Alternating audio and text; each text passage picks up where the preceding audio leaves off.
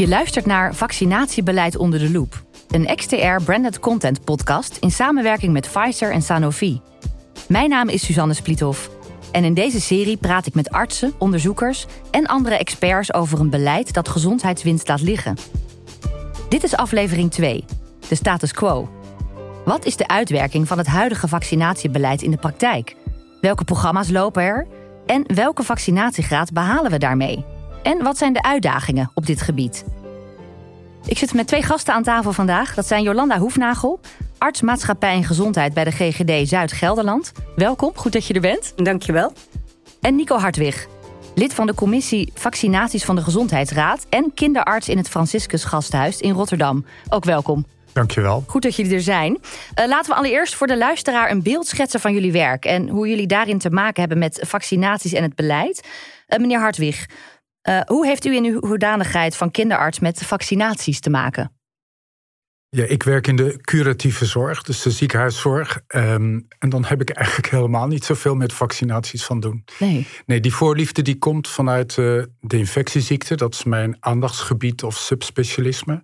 En um, ja, dan kom je veel te weten over hoe je infecties moet behandelen, maar ook hoe je infecties kan voorkomen. En daar is eigenlijk de liefde voor vaccinaties gekomen en toch aandacht te hebben voor die preventieve gezondheidszorg. Um, waar ik wel mee te maken krijg, zijn heel veel kinderen met bijzondere aandoeningen, die dus een aangepast programma moeten doorlopen of die extra aanvullende vaccinaties krijgen. En dat is de praktische uitvoering van vaccinatie, wat ik zelf doe. En kom je veel kinderen tegen met, uh, die bijvoorbeeld kinkhoest hebben of, of een hersenvliesontsteking? Is dat wat je oh, in de praktijk die komen nog steeds met regelmaat komen die in het ziekenhuis terecht. En ik, ik, begrijp wel dat ik daarmee het topje van de ijsberg zie. Maar het is nog steeds in Nederland aanwezig. Het is nog steeds niet weg. Nee. En mevrouw Hoefnagel, wat betekent het om arts, maatschappij en gezondheid te zijn bij de GGD?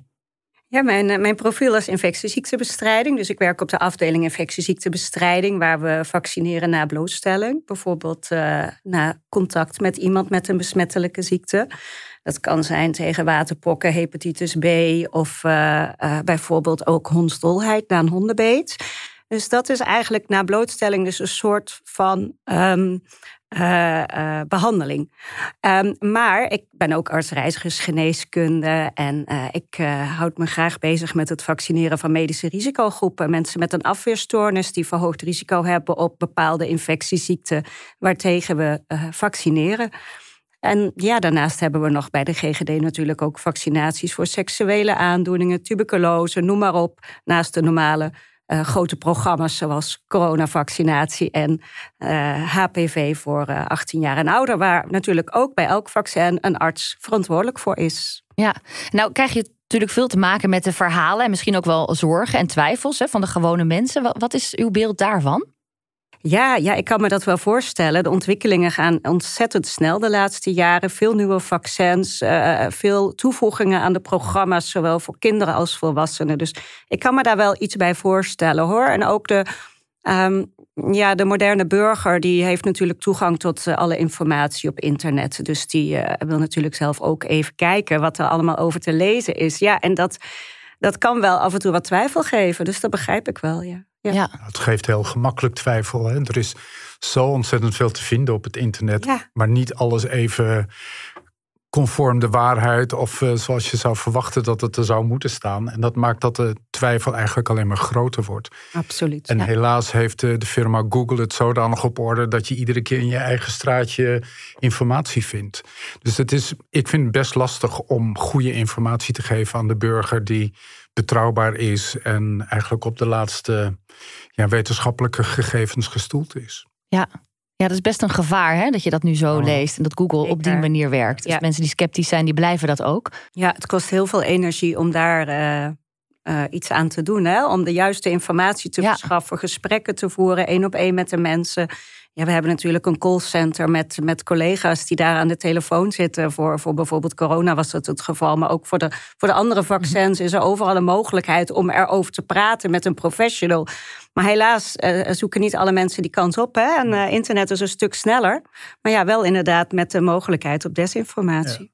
Ja. Maar gezondheidszorg is natuurlijk ook iets wat je meestal vanuit jezelf vraagt. En je niet, laten we zeggen, het gevoel van opgedrongen worden. En dat ervaar ik wel bij mensen die meer het gevoel hebben van ja, maar ik moet nu een vaccinatie eh, nemen. Ja. Ehm, ja, en eigenlijk ben je gewend om naar de dokter te gaan als je iets mankeert. En niet om uit voorzorg daar naartoe te gaan. Ja. ja. Dus het is ook een andere kijk op gezondheidszorg vanuit de maatschappij. Ja, absoluut. We gaan het zo hebben over de, de dekkingsgraad van de verschillende vaccins. Maar eh, voordat we dat gaan doen, is het misschien goed om even ons geheugen op te frissen en door te nemen welke infectieziekten er precies in het Rijksvaccinatieprogramma zitten.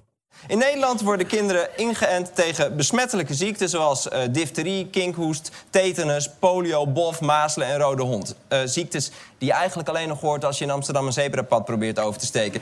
Kan je niet uitkijken, vuile difterie, kinkhoest, tetanus, polio, bof, mazelen, rode kanker. Ach man, krijgt een griep. Dat... Nou, een goed voorzetje van uh, Zondag met Lubach. Uh, hij noemt er al een paar, maar er blijven nog een paar prikken over. Namelijk die tegen de hipbacteriën, pneumokokken, meningokokken ACWI, hepatitis B en baarmoederhalskanker, oftewel de HPV-prik. Het zijn er twaalf in totaal. En Lubach zegt, die kom je eigenlijk alleen nog maar tegen op het Amsterdamse zebrapad. Maar meneer Hartwig, hoe vaak komen jullie deze infectieziekte nog eigenlijk tegen? Met regelmaat. Um, dus jaarlijks zijn er een aantal kinderen die we met kinkhoest opnemen. Uh, hersenvliesontsteking zijn ook jaarlijks enkele patiënten die we zien. Uh, longontsteking veel vaker door de pneumokokken. Mm kortom, die ziektes zijn helemaal niet weg. Die bestaan nog. Ja, difterie zien wij niet. Uh, kinkhoest of tetanus zien wij ook niet in de praktijk. Mm.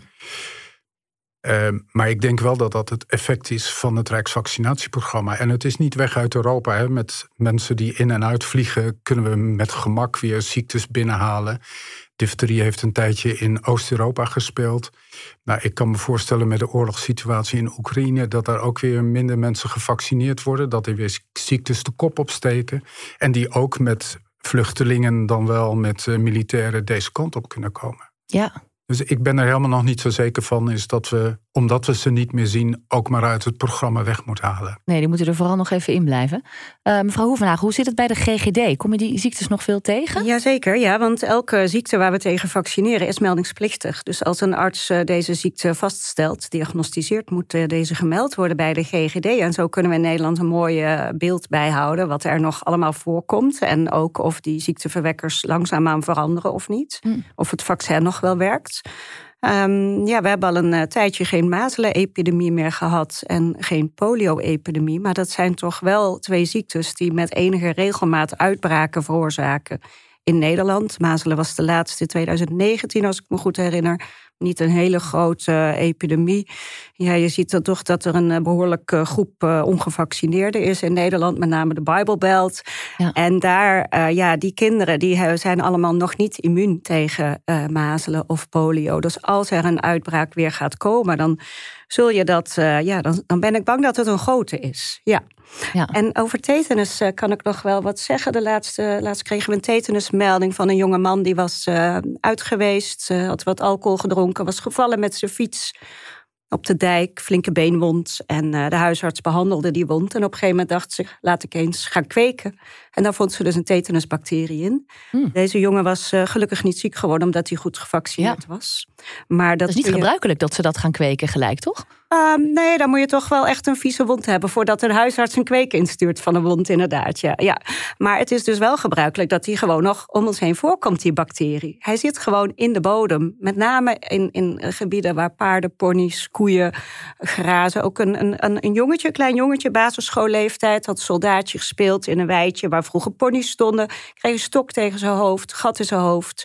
En een week later uh, moest hij naar de IC met tetanus. Die jongen was niet gevaccineerd. Nee. Ja, vanwege geloofsredenen. Ja.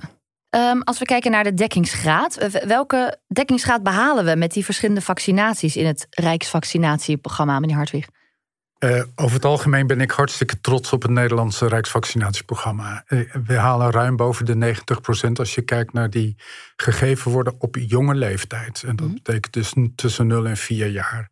Als we daarna gaan vaccineren, zie je wel dat veel meer mensen dan toch moeite hebben om hun kind te laten vaccineren. Of het kind gaat meer tegenstribbelen. Ik weet niet precies wat erachter zit. Um, Maar als je 12, 13 bent en zoals de HPV, dan halen we maar iets van 50, 60 procent. En daarmee laten we ontzettend veel gezondheidswinst liggen. Ondanks dat we weten wat baarmoederhalskanker inhoudt. Mm. Maar het is toch ook een beetje, nou, ik, dat is mijn idee hoor, waarom het niet gebeurt. Maar dat je eigenlijk je kind van 12 gaat vaccineren tegen seksuele overdraagbare aandoeningen. Dat je dus gaat nadenken over, hé, hey, mijn kind gaat seks hebben. Ja. En dat dat best nog wel een stap te ver is voor veel ouders. Van ja, moet ik dat nou wel doen? ja. Wanneer zou de dekkingsgraad hoog genoeg zijn? Dat hangt heel erg af van welk micro-organisme je kiest. Als je kijkt naar mazelen, dan kan één patiënt 18 anderen besmetten. En die andere 18 weer een volgende set van 18. En dat betekent dat je in korte tijd om je heen grijpt als, uh, als mazelen. En dan moet je een dekkingsgraad halen van 95 procent, wil je iedereen beschermen. En heb je uh, ziektes die, nou, één iemand die twee anderen gaat uh, besmetten, dan kan je met een veel lagere dekkingsgraad toe. Okay. Maar uh, gemiddeld genomen streven we naar ongeveer 95 procent. Oké, okay. voor ja. Dat is makkelijk genomen. Ja. Maar de, voor, anderen, voor anderen is dat misschien wat minder. Maar laten nou ja, we komt dat niet zo nauw. Ja. Maar ik denk dat uh, je probeert je programma toch zodanig aan te passen... dat iedereen de gezondheidswinst mag halen die er is. Ja. En dan is het uh, fijn als je in de buurt van die 95 procent komt. Ja. En als we dan kijken naar andere Europese landen... hoe, hoe verhoudt die dekkingsgraad zich daartoe? Mevrouw Hoefnagel? Uh, ja, in uh, Europa is het uh, wel, denk ik, in West-Europa wel vergelijkbaar. Zuid-Europa zit wat, wat lager. ik denk, Nico, jij weet daar meer van, hè? Ik geef jou ja, het, ja, ik vroeg het eigenlijk omdat jij ook het al had over de, de Bijbelbelt hier in Nederland. Ja. Dat is wel iets bijzonders volgens mij, toch? Ja, dat klopt, ja. Dat is, wij zijn de enige in Europa met een Bijbelbelt. Dus met een, een groep die ook nog ja, redelijk bij elkaar woont in een bepaald gebied, hè? in een strook van... Uh, uh, van uh, zuidwest naar noordoost loopt die strook. Ja. En dat is elders in Europa niet zo. Dat mensen zich dusdanig niet laten vaccineren vanwege geloofsovertuigingen. Dus de rest van Europa die houdt ons wel met een schuin oog in de gaten. Ja, inderdaad. Ja. Hoe, hoe gaat dat daar in Nederland? Want als er mazelen uitbreekt, ergens in Europa... en Zuid-Europa heeft dan een wat lagere vaccinatiegraad... maar dat is vrij diffuus. Nou, wij hebben echt een cluster met ongevaccineerden in ons Ja, midden. dus het zou gevaarlijker zijn als het daar uh, zou ja, uitbreken. Ja, we, dan... we, hebben straks ook de grachtenbelt in Amsterdam, hoor, die uh, net zo goed uh, anti. de green smoothie belt. Ja, zoiets. Of de haver ja. cappuccino. Ja. dus er zijn er gewoon meer die, laten we zeggen, de natuurlijke weg van de infecties willen kiezen. En dat vind ik toch een gevaarlijke trend. Als mensen Hmm. zeggen, nou, door natuurlijke infectie. Um, krijg je eigenlijk een betere afweer dan wanneer je vaccineert. Ja. Maar ik durf soms het experiment van de natuurlijke infectie echt niet aan. Met als je ziet wat voor complicaties kinderen um, ja, eraan over kunnen houden. En Ja. dat wil je juist voorkomen. Je wil geen gehandicapte kinderen overhouden ten gevolge van een ernstige meningitis. Nee. En, en hoe zit het dan met andere Europese landen? Nou, die, vaccinatiegraad is daar vaak een stuk lager. Dat heeft te maken met vertrouwen in de regering of de instituties die ze geven. Het heeft te maken met financiering. Uh, het heeft te maken met ja, ideeën die uh, mensen daarover hebben. Uh, maar over het algemeen is die een stuk lager in Oost-Europa. En het begint al lager te worden in Frankrijk en Italië. Ja, in Italië hebben ze nu ook vaccinaties verplicht gesteld. Hè? Ja. Als je je kind niet laat vaccineren, krijg je een boete. Ja, of je kind mag dan niet naar school. Dus Ja. er- er zijn wel, nou ja, in die zin zijn ze strenger in hun beleid dan dat wij in Nederland zijn. Wij laten echt mensen nog de vrije keus. En daarom ben ik er ook zo trots op dat met die vrije keus we toch ruim boven de 90% zitten met de vaccinatiegraad. In Scandinavië is het vertrouwen nog hoger volgens mij, hè? Ja, maar dat, dat zijn denk ik ook mensen die überhaupt veel meer vertrouwen hebben in, eh, in het systeem. Ja. En daar loopt het ook hartstikke goed. Als we gaan kijken naar de uitdagingen en wat er beter kan, wat, wat is jullie grootste zorg voor de toekomst, mevrouw Hoefnagel? Ehm, ja, als ik eh, breder kijk dan alleen het Rijksvaccinatieprogramma, dat is een vrij robuust systeem. Hè? Dat staat heel stevig. En uh, nou, het is daardoor ook, ook, omdat het zo groot en robuust is, is misschien ook wat minder flexibel. Dus dat zou een verbeterpunt zijn. Hè? Dat er wat meer flexibiliteit kan geboden worden aan de ouders. Maar buiten het Rijksvaccinatieprogramma is ons vaccinatiestelsel eigenlijk heel versnipperd.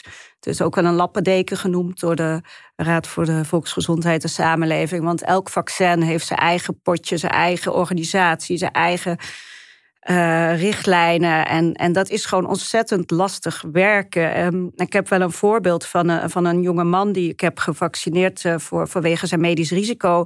Moest hij twee vaccinaties hebben tegen pneumokokken. Nou, dat is dan bij ons op de vaccinatiepolie, reizigers en vaccinaties. Mm -hmm. uh, hij was twintig en nou, had een chronische ziekte en, en kreeg medicijnen die de afweer remmen. Maar hij had ook een uitnodiging gehad voor de inhaalcampagne van de HPV-vaccinatie die nu loopt hè, dit jaar. Ook voor jongens, 18 jaar en ouder. Dus uh, nou, hij heeft dan een afweerstoornis, dus hij moest een extra prik, drie prikken. En dat was dan weer op een andere locatie. Hij had al de coronaprik gehaald bij de coronalocatie en de griepprik bij de huisarts. Dus dan zit je al op vier verschillende locaties. En uh, het was ook nog een, uh, een jonge man die op, op jongens viel. Dus dan moest hij bij de afdeling seksuele gezondheid... mocht hij ook nog drie prikken halen tegen hepatitis B. Dus dan zit je eigenlijk op in totaal tien vaccinaties... op vijf verschillende locaties... waarachter vijf verschillende organisaties zitten... met vijf verschillende registratiesystemen, potjes met geld. En dat kun je allemaal niet combineren in één medisch dossier. Dus dan krijgt hij dus uiteindelijk ja, vijf medisch dossiers waarin vaccinaties staan genoemd. Ja, dat is echt. Ja. En is dit een uitzonderingsgeval? Want ik kan me ook voorstellen dat auto-immuunziekte dat, dat, dat toeneemt. Nou, nee. En dat het dus misschien wel ja. steeds vaker voorkomt. Ja, auto-immuunziekten nemen toe. Dus ik zie steeds meer mensen bij ons op de poli voor vaccinatie vanwege de afweerstoornis. Die eraan zitten komen omdat ze gaan starten met medicijnen. Of ze zijn al gestart met die medicijnen die de afweer remmen. En dan hebben ze al een afweerstoornis. We vaccineren natuurlijk liever daarvoor, hè, dan werkt het beter. Maar inderdaad, dan uh, vragen we: goh, heb je de coronavaccinatie gehaald op de coronalocatie? Heb je de griepprik bij de huisarts gehaald? Dan krijg je van ons nog dit en dat erbij. Ja. En als je het zus en zo doet, dan krijg je het kosteloos. Maar dat is dan weer een ander potje. Ja, dat is een, een heel goed. En hoe zou je dit dan kunnen verbeteren? Uh, nou, de minister heeft een mooi uh, voorstel gedaan. Hè? Hij, heeft, uh, een, hij stelt een vaccinatievoorziening voor volwassenen voor. Dat zouden we natuurlijk liever hebben voor 0 tot 100. Hè? Ik, ik wou net zeggen, oh. volgens mij moeten we één instituut voor preventieve gezondheidszorg gaan oprichten. überhaupt, we praten over gezondheidszorg. Maar de preventieve deel krijgt nauwelijks aandacht. Ja. En wat mij betreft um, zou er een instituut moeten komen. Dus eigenlijk een soort consultatiebureau voor preventieve geneeskunde. Waarin je vaccineert, advies over roken, alcohol, obesitas, uh, noem maar op gaan krijgen. Maar zou de GGD dat niet zelf kunnen doen? Nou, ja. dat is volgens mij veel te versnipperd al. Um... Ja, wat nu het idee is, is dat er een vaccinatievoorziening voor volwassenen komt. En dat, dat uh, de GGD's een potentiële kans hebben om, om dat te gaan mogen doen. Dus dat wordt momenteel onderzocht door het RIVM. dat vind ik nog steeds veel te beperkt. Volgens mij moet je het niet alleen ja. over vaccinatie hebben. Ik denk juist, ja, dat... als GGD zou je laten we zeggen, alles kunnen bundelen. En daarmee ook, denk ik, het geld kunnen bundelen. En daarmee misschien ook wel efficiënter een uh, preventief bureau kunnen opzetten. Ik zou het graag willen, maar dat is niet de koers die we nu opgaan, helaas. Nu worden juist alle vaccins gebundeld, zodat dat die lappendeken... want nu yeah. krijg je een vaccin met een consult erbij... waardoor de vaccins versnipperd zijn over alle uh, zorgaanbieders. Hè? De huisarts heeft een stukje en, en nou ja, mm-hmm. iedereen doet een stukje. Consultatiebureau geeft preventief advies. Maar goed, dat, dat maakt het ook lastig. Hè? Want als je iets nieuws wil introduceren, dat zien we nu ook met die corona... dan moet er eerst van alles opgetuigd gaan worden... voordat het eens een keer geïmplementeerd wordt. Ik denk dat als je dit systeem zou hebben... een een bureau voor preventieve geneeskunde, dan kan je ook alle nieuwe dingen kan je daar uh, neerleggen. He, hoe lang hebben we niet uh, gesoebeld over wie moet nou de zwangeren gaan vaccineren tegen kinkhoest? Hè? Want daar hadden we nog een, een gat uh, te vullen voor de jonge kinderen tussen ja. 0 en 3 maanden. Nou, dat heeft ontzettend lang geduurd ja, met allemaal HPV vertraging. En HPV idem ook. dito. Jaren. Dus wat mij betreft Daarom. moeten we helemaal anders denken. En moet gezondheidszorg naar een soort bureau voor preventieve geneeskunde. En wie, wie is de verantwoordelijke daarvoor? Wie zou dat moeten gaan uh, initiëren? Ja, dat zijn dingen die de minister wel in gang moet zetten. Ja. Die zou in ieder geval uh, het moeten faciliteren. En ik denk dat er wel heel veel mensen die nu werken binnen de GGD's en de consultatiebureaus uh, daar actieve rol in kunnen hebben. Maar ik denk wel dat de hoofdlijn door het ministerie uitgedacht zou moeten worden. Ja.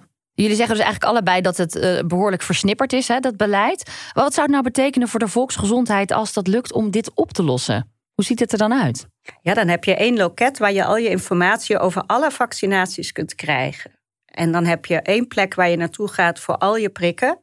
Bijna al je prikken. Een paar zullen toch uh, elders moeten. Hè, bij je eigen specialist bijvoorbeeld, of in het ziekenhuis. Of uh, als, het, als je wilt en je gaat op reis, ben je natuurlijk vrij om te kiezen waar je je reisprikken gaat halen. Dat hoeft niet bij die vaccinatievoorzieningen. Maar het idee is dat we wel allemaal een, uh, een vaccinatie uh, register krijgen. Dus elke burger in Nederland heeft zijn eigen digitale vaccinatieboekje. En daar staat alles in, van je kindprikken tot, tot uh, je volwassen prik. Alles komt daar in één boekje, zodat elke zorgverlener kan zien welke prikken je elders hebt gehad. En dat zou zo fijn zijn. Ja, ja dat zou voor mij uh, heel veel opleveren in de praktijk. En voor de zou de vaccinatiegraad daarbij ook omhoog gaan, denken jullie? Dat vraag ik me af of dat ook zo is. Ik denk wel dat als je zo'n consultatiebureau voor ehm, preventieve gezondheid hebt, is dat denk ik wel het laagdrempeliger wordt om er naartoe te gaan. Ehm, en ik hoop eigenlijk is dat je daar objectieve informatie kan krijgen. Ehm, want dat is nu wat uh, versnipperd door mensen zelf opgezocht wordt. En dat je dat als een betrouwbaar instituut uiteindelijk neer gaat zetten. Ja. Maar er zullen altijd mensen zijn die eigen gedachten hebben over ziekte en gezondheid. Ja, dat uh, haal je helaas niet uh, uit de bevolking. Nee. Nee, dat is jammer. Uh, is er misschien nog iets wat jullie nog kwijt willen? Want we zijn helaas aan het einde gekomen van deze podcast. Is er nog iets wat, wat er nog besproken moet worden? Nou ja, dat Rijksvaccinatieprogramma, dat mag van mij betreft nog wel wat uitgebreid worden. En daar zijn natuurlijk ook plannen voor. Hè? Rotavirusvaccinatie gaat erbij komen volgend jaar. Ja. En wat mij betreft moeten we af van intramusculair prikken. We moeten gewoon een andere manier vinden om vaccins toe te dienen. En dat kan via de neus als het om respiratoire virussen gaat, of via de mond, eh, via je darmsysteem als het om ja, uh, micro-organismen gaat waar je diarree van krijgt. En het kan via de huid voor een heleboel andere uh, vaccins. Dus volgens mij is prikangst een van de redenen waarom we. Wordt dit al onderzocht? Of dit ja, ja, dat wordt onderzocht. Er zijn inmiddels al van die kleine devices met micronaalden die gevuld zijn met een vaccin. En dan plak je gewoon twee pleisters op. En dat is het dan. Die laat je 24 uur zitten. En dat is volgens mij een veel betere oplossing dan iedere keer een uh, dikke prik in je bovenarm of bovenbeen. Ja, mooi advies. Helemaal mee eens. We zijn, uh, we zijn aan het eind gekomen van deze podcast. Ik wil jullie ontzettend bedanken dat jullie er waren. Jolanda Hoefnagel, artsmaatschappij en gezondheid bij de GGD. En Nico Hartwig, kinderarts en lid van de commissie vaccinaties van de Gezondheidsraad. Dank jullie wel. In de volgende aflevering gaan we het hebben over de gezondheidswinst door preventief vaccineren en betere communicatie. Dan spreek ik met Danielle Timmermans, hoogleraar risicocommunicatie en volksgezondheid bij het Amsterdam UMC, en Mark Bonte, hoogleraar medische microbiologie en coördinator van infectieziekten en epidemiologie bij het UMC Utrecht. Bedankt dat je luisterde naar Vaccinatiebeleid onder de loep, een XTR branded content podcast in samenwerking met Pfizer en Sanofi. Ga naar nrc.nl slash brandedcontent slash Pfizer-Sanofi om alle afleveringen te beluisteren of vind deze in de NRC audio app.